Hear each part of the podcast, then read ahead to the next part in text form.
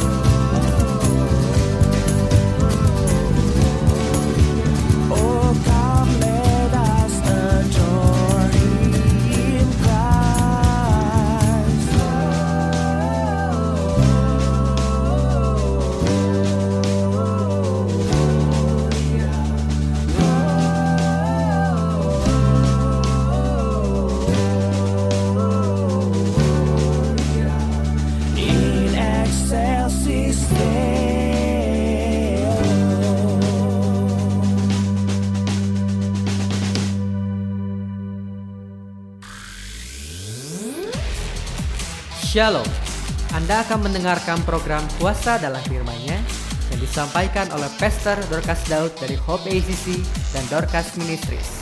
Selamat mendengarkan.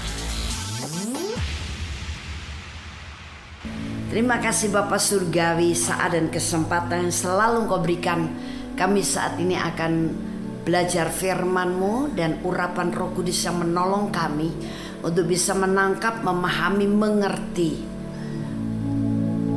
maksud daripada firman-Mu dengan baik. Terima kasih Bapa di dalam nama Tuhan Yesus Kristus. Kami berdoa. Haleluya. Amin. Ya. Desember biasa identik kita dengan suasana Natal. Kita mengucap syukur akan kehadiran Sang Penebus. Kita bergembira ria, tapi juga jangan lupa kita perlu merenungkan betapa luar biasanya kasih Bapa Surgawi kepada kita, kepada Allah yang menciptakan manusia, sehingga memberikan Yesus Kristus sebagai putranya yang tunggal untuk menanggung semua dosa kita, mengampuni kita, dan memberikan keselamatan kepada kita. Dan kita selalu katakan Yesus itu Raja Damai, betul. Bahkan lambang pemerintahan ada di baunya. Dialah penasihat ajaib. Dan Yesus yang seperti ini sudah tinggal di dalam hati kita. Tapi sering kali walaupun sang Raja Damai sudah ada di hati kita, kita sepertinya kehilangan damai sejahtera.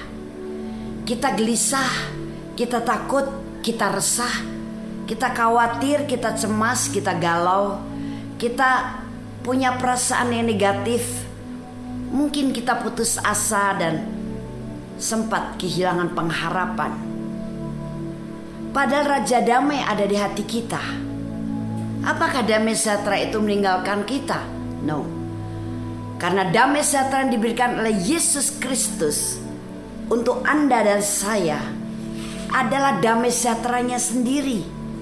Damai sejahtera yang tidak terpengaruh atau tidak tergantung kepada situasi, kondisi, peristiwa, kejadian apa pun yang sedang terjadi di sekitar kita atau yang sedang kita alami. Nah, mengapa banyak orang Kristen merasa kehilangan damai sejahtera padahal damai sejahtera itu tetap kekal menyertai kita semuanya. Bahkan damai sejahtera itu adalah damai sejahtera yang tidak terbatas karena bukan damai sejahtera dari dunia. Nah, yang pertama, orang Kristen merasa kehilangan damai sejahtera. Karena apa? Karena dia tidak mempersilahkan damai sejahtera itu memerintah dalam hatinya. Banyak orang Kristen bahkan memberi kesempatan untuk khawatir, untuk cemas, untuk marah, untuk jengkel, untuk kecewa dan sebagainya. Menguasai pikirannya sehingga masuklah di hatinya. Kita sering salah dalam cara memandang segala sesuatu. Kita juga sering salah dalam mendengar segala sesuatu. Itu sebabnya mengapa kita perlu mempunyai firman yang hidup. Dengan cara kita memakan setiap hari, kita merenungkan, kita meresapi, kita menampung, kita izinkan firman menguasai hati dan pikiran kita supaya apa?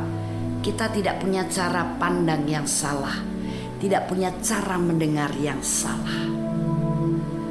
Banyak terjadi kekacauan, banyak terjadi permusuhan karena kita melihat satu peristiwa atau satu kejadian itu dengan cara yang pandang yang salah.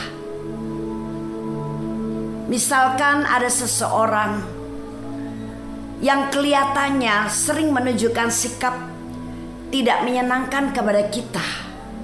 Atau barangkali kalau dia buka suara, dia bersuara tentang kita selalu nadanya atau sifatnya adalah negatif atau penghakiman atau tuduhan. Nah, ketika kita menghadapi orang seperti ini, bagaimana cara memandang kita? Jangan kita kemudian memandang, oh dia memang orangnya tuh jahat. Orangnya sering iri hati. Orangnya karakternya tidak bagus. It's okay, mungkin dia memang dalam kondisi seperti itu. Tapi cara pandang yang benar terhadap segala sesuatu kita adopsi dari cara pandangnya Tuhan.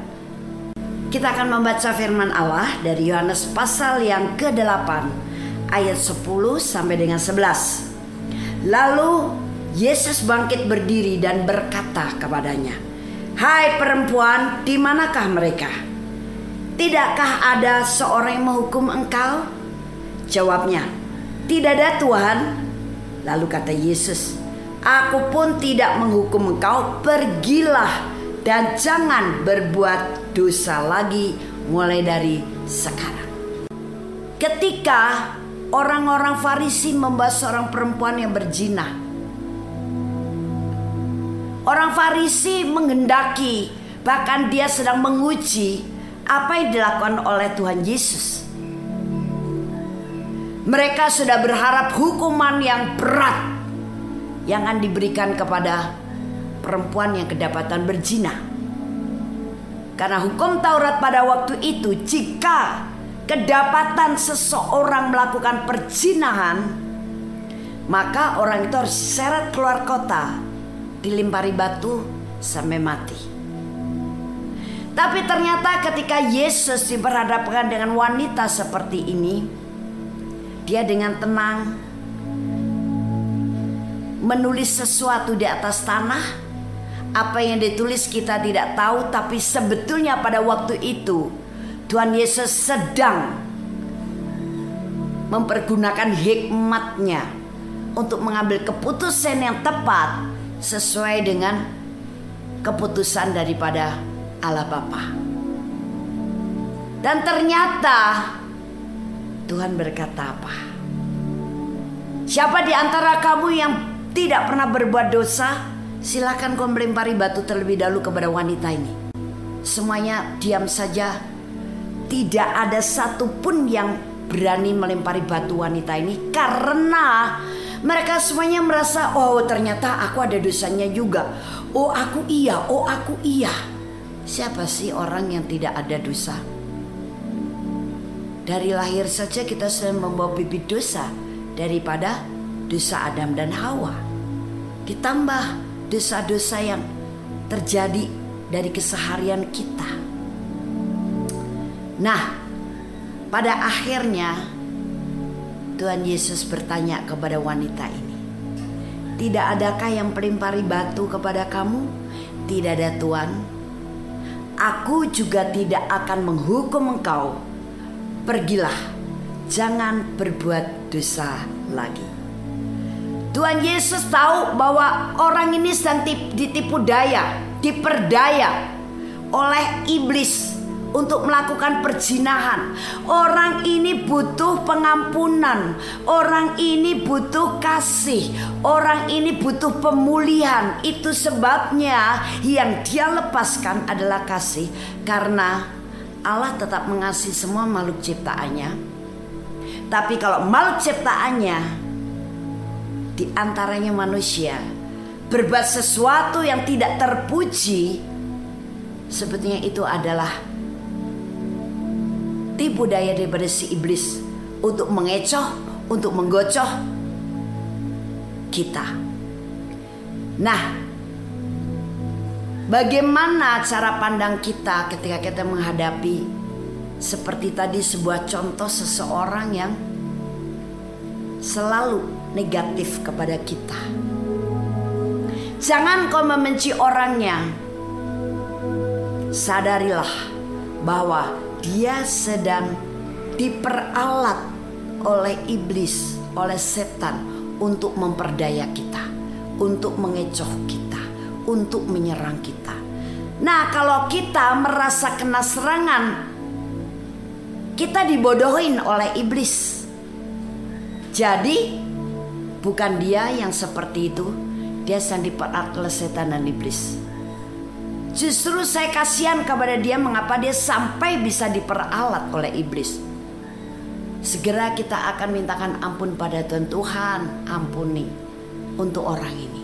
Sungguh aku juga mengampuni dia seperti engkau mengampuni saya. Dan aku menutup kesalahannya dengan kasih. Aku tetap menerima dia. Aku mengasihi dan memberkatinya. Terima kasih Tuhan Yesus. Haleluya. Amin. Nah, ini adalah cara pandang yang benar. Begitu juga cara mendengar kita. Jangan setiap kali kita mudah terkecoh dengan berita-berita dari orang lain atau seseorang yang bukan sumbernya yang utama. Itu nomor satu. Yang kedua, kalau kita juga tidak mengetahui secara pasti. Begitu banyak kehebohan, peperangan, perseteruan, kekacauan terjadi karena banyak manusia yang salah cara mendengarnya. Baru mendengar dari seseorang padahal belum tentu seseorang ini menyampaikan berita itu kepada Anda adalah orang yang memang tahu persis persoalannya. Nah ini akan memancing kekeruhan. Dia akan dengan mudah menyebarkan berita-berita bohong yang mungkin itu adalah kabar burung. Barangkali dia menceritakan itu karena dia punya perasaan yang tidak sedang berdamai dengan yang diceritakannya. Nah, di sini kita perlu berhikmat. Di sini kita perlu bijaksana. Kita jangan mudah termakan, terperdaya oleh hal seperti itu. Itu sebabnya peganglah firman Tuhan, lakukan firman itu dalam hidup Anda, sehingga dalam cara berpikir, cara memandang, dan cara mendengar kita itu tidak salah, dan kita tidak menjadi hakim sebelum waktunya. Di situlah perdamaian bisa tetap tercipta. Lalu kata roh kepada Filipus, pergilah ke situ dan dekatilah kereta itu. Filipus segera ke situ dan mendengar sida-sida itu sedang membaca kitab Nabi Yesaya. Kata Filipus, mengertikah Tuhan apa yang Tuhan baca itu? Jawabnya, bagaimanakah aku dapat mengerti kalau tidak ada yang membimbing aku? Lalu ia meminta Filipus naik dan duduk di sampingnya. Ada satu peristiwa di mana Filipus didatangi oleh malaikat Tuhan untuk bangun dan berangkat ke sebelah selatan menurut jalan yang turun dari Yerusalem ke Gaza. Dan ternyata ketika sampai di situ Filipus berjumpa dengan seseorang naik kereta dan Roh Kudus berkati hatinya dekati kereta itu. Ternyata orang yang duduk di kereta itu adalah seorang pejabat. Dan yang dilihat oleh Filipus ini orang sida-sida dari Ethiopia sedang membaca kitab Yesaya. Serta merta Filipus bertanya, Tuhan apakah mengerti apa yang dimaksud dengan kitab itu? Apa jawab daripada sida-sida dari Ethiopia ini? Bagaimana saya bisa mengerti kalau tidak ada yang menuntunnya? Kalau tidak mengajarkannya kepadaku? Dan apa yang terjadi dengan senang hati akhirnya ketika sida-sida itu mempersilahkan Filipus duduk di sampingnya maka cerita selanjutnya dari ayat-ayat ini adalah Filipus dengan semangat, dengan senang hati dia memberitakan tentang Injil. Dia memberitakan tentang firman. Dia memberitakan tentang Yesus Kristus. Dan akhir daripada kisah ini sangat membanggakan. Sida-sida dari Ethiopia itu akhirnya dia percaya kepada Yesus dan hari itu juga dia minta dibaptis sehingga Filipus hari itu selain dia memberitakan Injil dan memenangkan jiwa selain Filipus memberitakan firman kebenaran dan kemudian orang itu mau bertobat dan percaya pada Yesus hari itu juga Filipus membaptis orang ini Betapa bersorak-sorainya malaikat di sorga. Nah saudara dari, dari kisah ini menarik sekali. Bagaimana seseorang itu sering kali tidak tahu yang sebenarnya atau kebenaran kalau tidak ada yang memberitakannya. Nah sekarang Anda dan saya adalah orang-orang kerajaan Allah yang tahu kebenaran. Kitalah sebetulnya yang diutus untuk memberitakan kebenaran itu. Kita berpikir bahwa ah, saya kan bukan seorang penginjil, saya kan bukan seorang pelayan Tuhan, saya jemaat biasa. No. Berita tentang kebenaran, berita tentang Injil, berita firman Allah itu adalah tugas kita semuanya untuk memberitakan kepada orang lain. Sehingga orang lain bisa mendengar kebenaran itu. Dan betapa membanggakan dan sungguh sangat menyenangkan hati Tuhan. Ketika orang yang kita beritakan tentang kebenaran itu akhirnya berbalik kepada Tuhan. Barangkali orang itu bukan seperti seorang sida-sida dari Ethiopia. Mungkin dia adalah orang yang sudah bilang percaya Yesus, sudah bergereja, Bagaimana ketika kita menjumpai dia atau mengetahui kondisi dia sedang dalam situasi yang tidak baik, sedang dalam situasi yang kurang bagus. Apakah kita diam saja dan kita berpikir ah dia juga kan sudah ke gereja tahu firman Tuhan. Ah saya nggak mau deh nanti dikira menggurui dia, nanti dikira saya sok pinter, Aduh nggak enak apalagi dia lebih senior dari saya. Apalagi dia usianya jauh di atas saya. Ah, apalagi saya ini masih muda atau mungkin aduh masih anak-anak remaja susah lah diberitahu kebenaran. Tidak ada alasan untuk kita menjadi saluran perkataan Allah, penyambung lidah Allah, menyampaikan kebenaran firman kepada setiap orang termasuk kepada orang Kristen yang sedang bermasalah ini. Mengapa kita tidak ingatkan firman Tuhan? Kita tidak sampaikan firman Tuhan yang berurusan atau yang berkaitan dengan masalahnya. Bahkan Roh Kudus akan menolong kita untuk bisa menguraikan firman yang kita sampaikan kepada orang bersangkutan dan pada akhirnya firman itu akan berbicara kepada orang itu. Firman itu akan menjadi alat Tuhan untuk mengembalikan kehidupan orang itu, menyadarkan akan kesalahannya, atau memberi jawaban bagi persoalannya, atau mengingatkan akan kekeliruannya, atau membangun kembali imannya. Mungkin saat itu imannya sedang goyah imannya sedang mengalami kerapuhan. Nah, Anda dan saya yang diberi wewenang, diberi kepercayaan oleh Tuhan, ciptakan kedamaian. Kedamaian buat orang-orang dunia yang belum punya penebus, beritakan Injil kepadanya. Kepada orang-orang yang sudah mengaku bahwa dia adalah Kristen, tapi tingkah lakunya menyimpang dari firman atau dia dalam kondisi yang sedang merasa jatuh, kehilangan pengharapan, sampaikan firman Tuhan kebenaran karena kebenaran itu akan memerdekakan seseorang. Kita akan menciptakan kedamaian kembali dalam hidupnya. Nah, itu sebabnya jangan kita menghemat perkataan, perhatian kepada apa yang sedang terjadi di sekitar kita.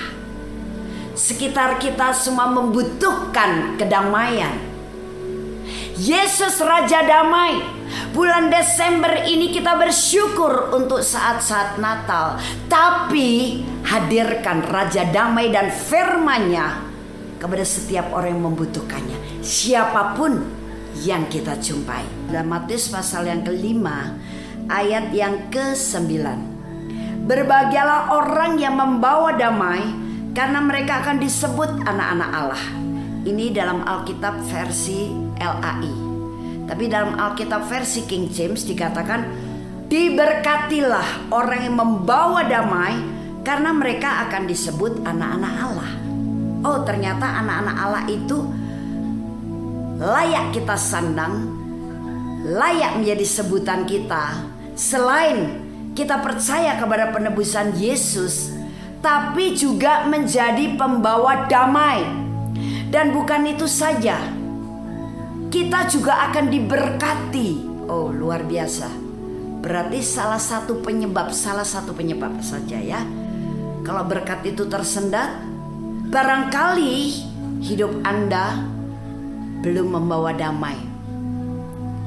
Di mana kita berada, di mana kita mulai berkata-kata, mungkin ada orang yang terluka, orang yang marah, orang yang sakit hati, orang yang kemudian muncul kebencian, orang yang kehilangan semangat dan sebagainya.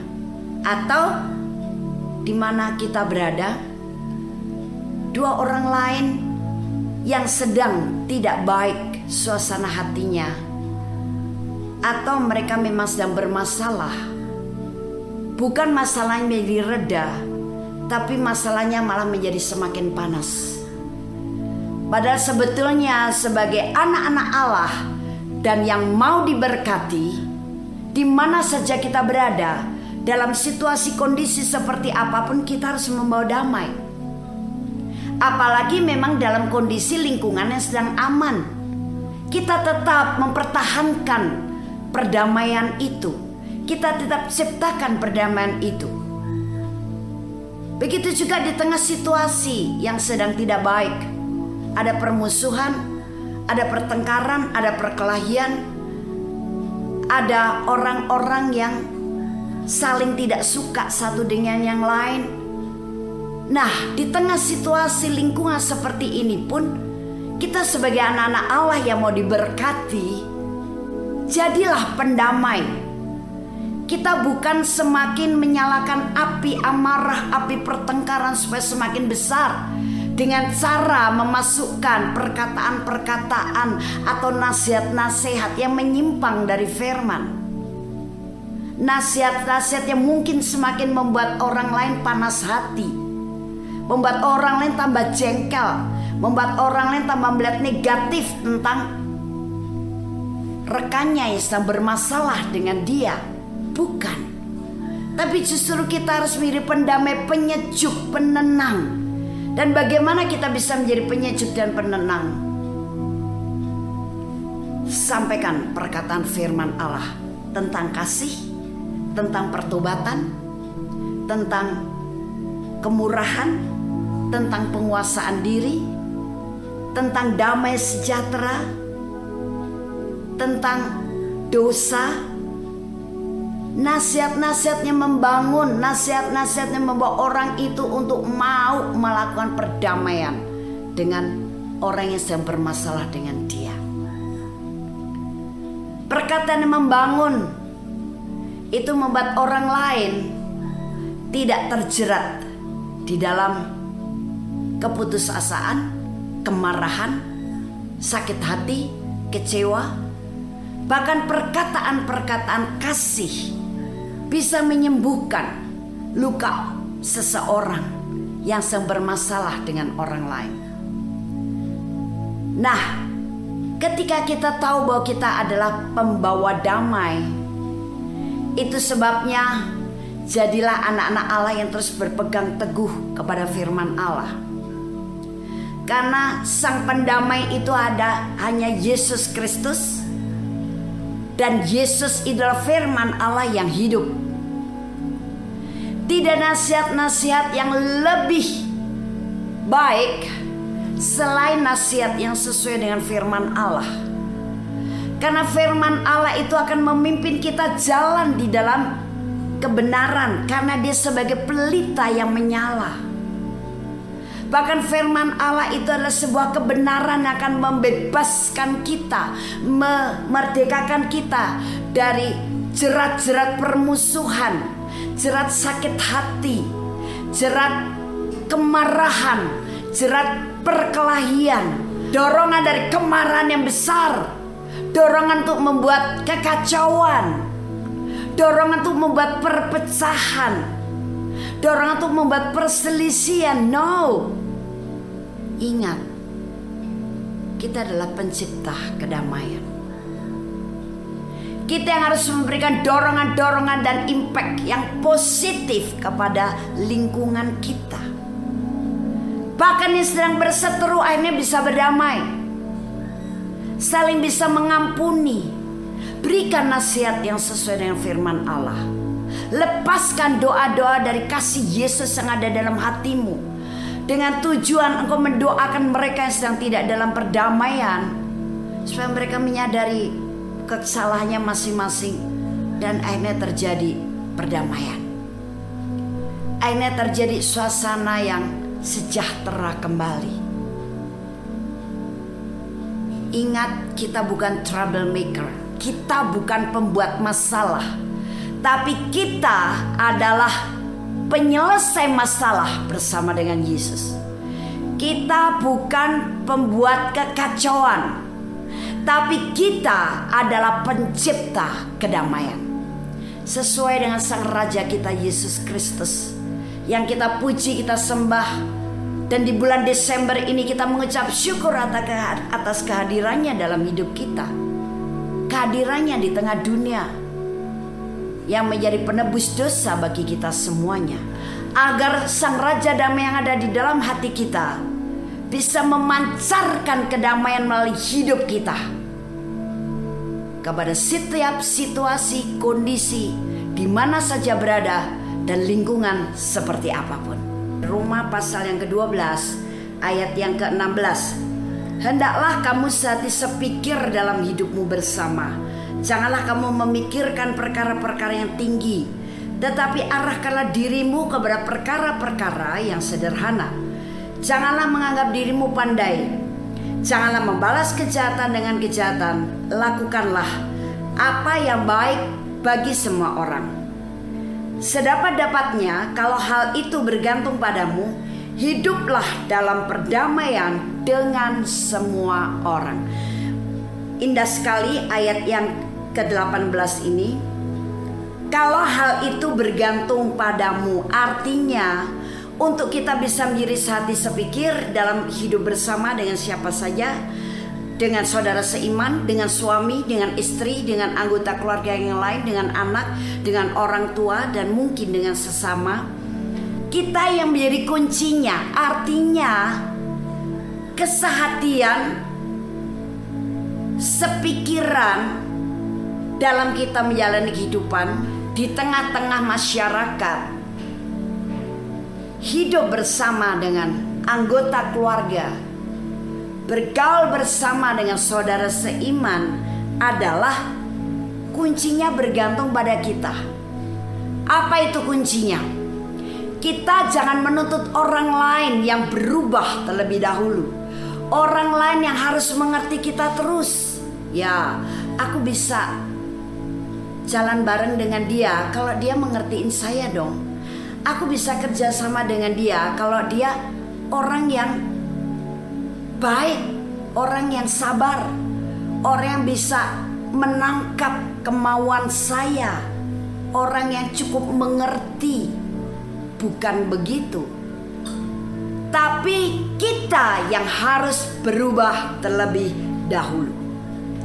Kita yang berubah, bagaimana karakter lama yang mungkin ada hati yang mudah tersinggung, mudah marah, mudah kecewa, tidak sabar, atau kita paling tidak bisa kalau kita itu kenal atau berdekatan dengan orang-orang yang tidak kita sukai, menurut kita tidak kita sukai, menurut kita tidak baik, menurut kita lagi lebih buruk kelakuannya dari kita. Nah, kita yang harus berubah. Kita tidak bisa menciptakan kedamaian, apalagi sehati sepikir dalam menjalani kehidupan ini. Kalau bukan kita sendiri yang berubah terlebih dahulu. Banyak para istri menuntut suami supaya berubah baik baru aku mau tunduk pada suamiku. Aku mau hidup bersama dengan suamiku. Banyak suami juga berpikir demikian, istriku berubah dulu. Kalau istriku sudah berubah jadi perempuan yang baik, wanita yang baik, wow, saya baru bisa hidup berdampingan dengannya. Kalau kayak begini mana tahan?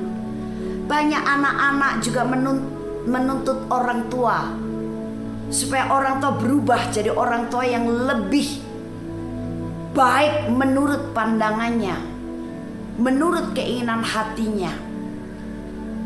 Kalau orang tua aku masih begitu terus, gimana saya bisa jadi anak yang maju coba? Kalau orang tua aku masih orang yang keras, bagaimana saya bisa berhasil dan sebagainya. Atau orang tua yang menuntut anak, wah, anak sudah dididik dari kecil sampai sekarang sudah dewasa begitu kelakuannya. Kamu harus berubah. Kalau kamu berubah, mama akan jadi sabar. Mama akan semakin mengasihi kamu. Papa akan beliin kamu sesuatu. Kita tidak bisa menciptakan kedamaian dengan cara tuntut menuntut. Tapi kita yang punya tugas dan tanggung jawab berubah terlebih dahulu. Di mana perubahan kita yang menjadi lebih baik itu akan menular kepada yang lain. Seandainya satu pekerjaan dikerjakan oleh beberapa orang atau mungkin hanya dua orang, tapi kalau dalam kerja sama itu dikerjakan dengan kesehatian dan sepikiran, sedangkan kesehatian dan kesepikiran itu adalah dalam suasana perdamaian. Tapi kalau dalam kerja sama ada yang saling iri, ada yang saling menyimpan kesalahan satu dengan yang lain, ada yang saling tidak suka, ada yang saling menganggap rendah yang lain, atau masih banyak lagi. Maka di situ tidak akan akan ada kedamaian, kesehatian, sepikiran tidak akan terjadi dan pekerjaan tidak pernah berhasil. Sangat berkat saja dalam keadaan kondisi orang-orang yang diam bersama hidup dengan rukun. Apalagi juga pekerjaan di ladang Tuhan. Bagaimana pekerjaan di ladang Tuhan dikerjakan oleh tangan-tangan anak Allah yang tulus, yang bersih, yang mau sehati dengan yang lain, mau sepikiran satu dengan yang lain, sama-sama melakukan pekerjaan Tuhan dengan hati yang bersuka cita, ringan kaki, ringan tangan, hati yang tulus. Itu membuat pekerjaan Tuhan berhasil dengan luar biasa. Dalam pengalaman saya, dalam sebuah pelayanan, katakan kesembuhan dan sebagainya. Kesembuhan itu dikerjakan oleh nomor satu iman, nomor dua adalah urapan kuasa Roh Kudus. Tapi walaupun iman kenceng kalau urapan itu tidak memadai, maka tidak akan terjadi sesuatu yang luar biasa. Kesembuhan atau mujizat atau karya supranatural lain dari Roh Kudus tidak bisa terwujud. Why? Mengapa? Karena urapan itu bergantung kepada suasana hati juga orang-orang yang ada di situ. Termasuk yang melayani dan dilayani. Apalagi ketika kita melayani bersama-sama dengan yang lain. Apakah suasana satu eh, suasana hati setiap pelayan Tuhan ini, orang yang melayani ini, orang-orang yang ada di situ adalah terikat dalam kasih Kristus, saling mendukung, mensupport, saling punya hati yang sama, sehati, sepikir, punya beban yang sama, hatinya sama. Maka di situ urapan kuasa harus bekerja dengan luar biasa. Terjadilah perkara-perkara yang luar biasa dari Tuhan. Nah, jadi ciptakan kedamaian. Jangan engkau biarkan suasana gaduh di hatimu terus bergejolak dan kau biarkan dia menetap di hatimu. Tapi ketika hatimu mulai ada sesuatu yang kurang nyaman, segera halau dia. Minta ampun kepada Tuhan barangkali engkau tanpa sadar membuka celah untuk roh yang tidak kudus itu entah iri, marah, jengkel, galau, stres, tegang, dendam, sakit hati, kecewa, dan sebagainya, tidak suka, kita usir keluar di dalam nama Tuhan Yesus. Tubuhku adalah bait Allah yang kudus. Hatiku adalah ruang maha kudusnya Allah. Dan biarkan sekarang hatimu memancarkan kembali aliran-aliran air hidup dan ini berbicara tentang urapan kuasa roh kudus. Hati yang sama, beban yang sama, pikiran yang sama, itu adalah syarat untuk kuasa urapan roh kudus bekerja dengan sempurna. Dan kita sekarang bisa mengambil kesimpulan bahwa semua itu bisa terjadi kalau tugas kita sebagai pencipta kedamaian di mana saja berada, mari kita yang memulainya. Jangan menunggu orang lain, jangan menuntut orang lain. Kita merendahkan hati kita untuk mau berubah hal-hal yang memang membuat kedamaian bisa tercemar. Perbuatan, perkataan, cara berpikir, sikap kita yang mungkin menurut pandangan kita tidak ada yang salah. Tapi ternyata itu mencemari kedamaian. Mari kita rendahkan hati kita dan kita komitmen dengan Tuhan. Tuhan, aku mau berubah. Roh Kudus tolong saya. Karena saya tidak menuntut orang lain menciptakan kedamaian, tapi sayalah pencipta kedamaian itu. Di mana setiap anak Allah yang menjadi pencipta kedamaian betul-betul berfungsi dengan baik, maka dunia akan diliputi oleh kedamaian.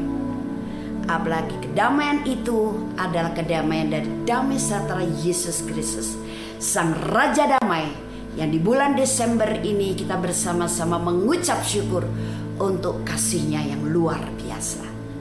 Puji Tuhan, dan sebelum saya mengakhiri khotbah di tahun 2018 ini, izinkan saya mengucapkan Merry Christmas, Happy New Year, dan jangan lupa kita memasuki tahun 2019 dengan semangat, tekad, iman, roh yang menyala-nyala dan kemauan untuk semakin maju di dalam Tuhan, di dalam kebenaran dan kita menjadi pencipta kedamaian sehingga di mana saja kita menjadi berkat bagi dunia.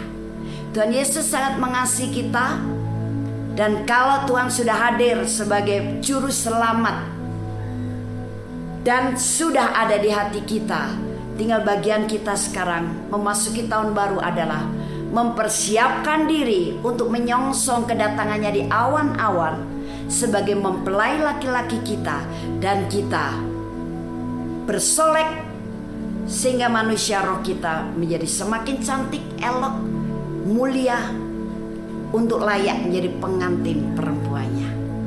Jadi kita mengucap syukur di bulan Desember untuk kehadiran Sang Penebus di dunia dan di hati kita, di hidup kita. Tapi selebihnya adalah kita harus maju mempersiapkan diri untuk menjadi pengantin perempuan Kristus. Tuhan Yesus memberkati. Haleluya. Kami percaya Anda pasti diberkati oleh firman Tuhan yang disampaikan oleh Pastor Dorcas Daud STH dari Hope ACC dan Dorcas Ministries. Dan bila Anda memiliki pertanyaan seputar kegiatan pelayanan kami, Anda dapat menghubungi kami di 08 222 703 0006. Sekali lagi di 08222 703 0006. Sampai jumpa kembali. Tuhan Yesus memberkati.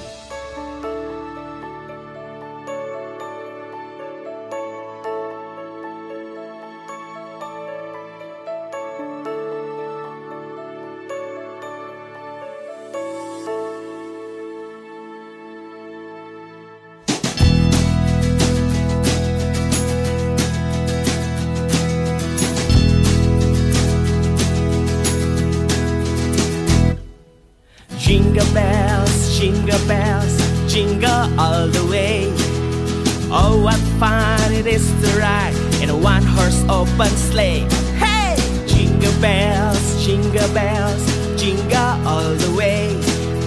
Oh, what fun it is to ride in a one horse open sleigh. Dancing through the snow in a one horse open sleigh. Over the fields we go, loving all the way. Bells on bobtails ring, making spirits bright. What fun it's to ride and sing a sledging song tonight. Jingle bells, jingle bells, jingle all the way. Oh, what fun it is to ride in one horse open sleigh.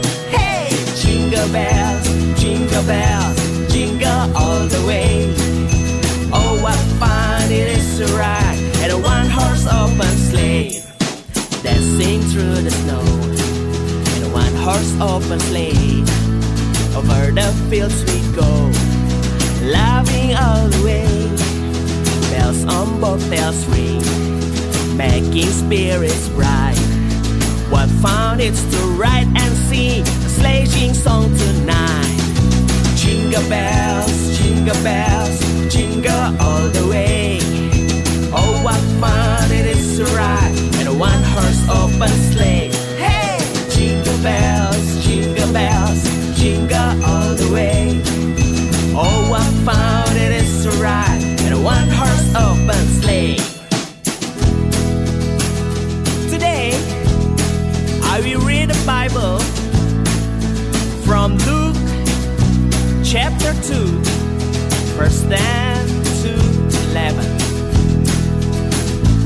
But the angel said to them, Do not be afraid. I bring you good news that will cause great joy for all the people. Today, in the town of David, a Savior has been born to you. He is the Messiah. The world,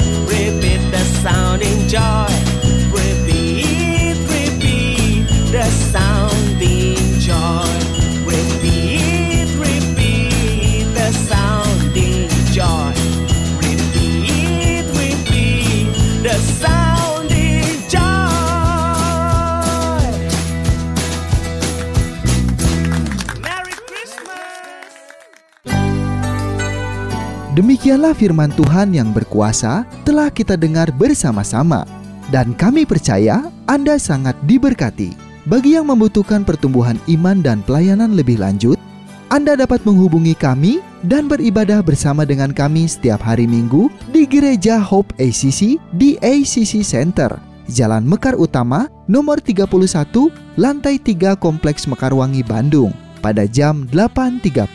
Ada kebaktian anak-anak pada jam yang sama. Ikuti juga Breakthrough Prayer setiap Jumat jam 18.30.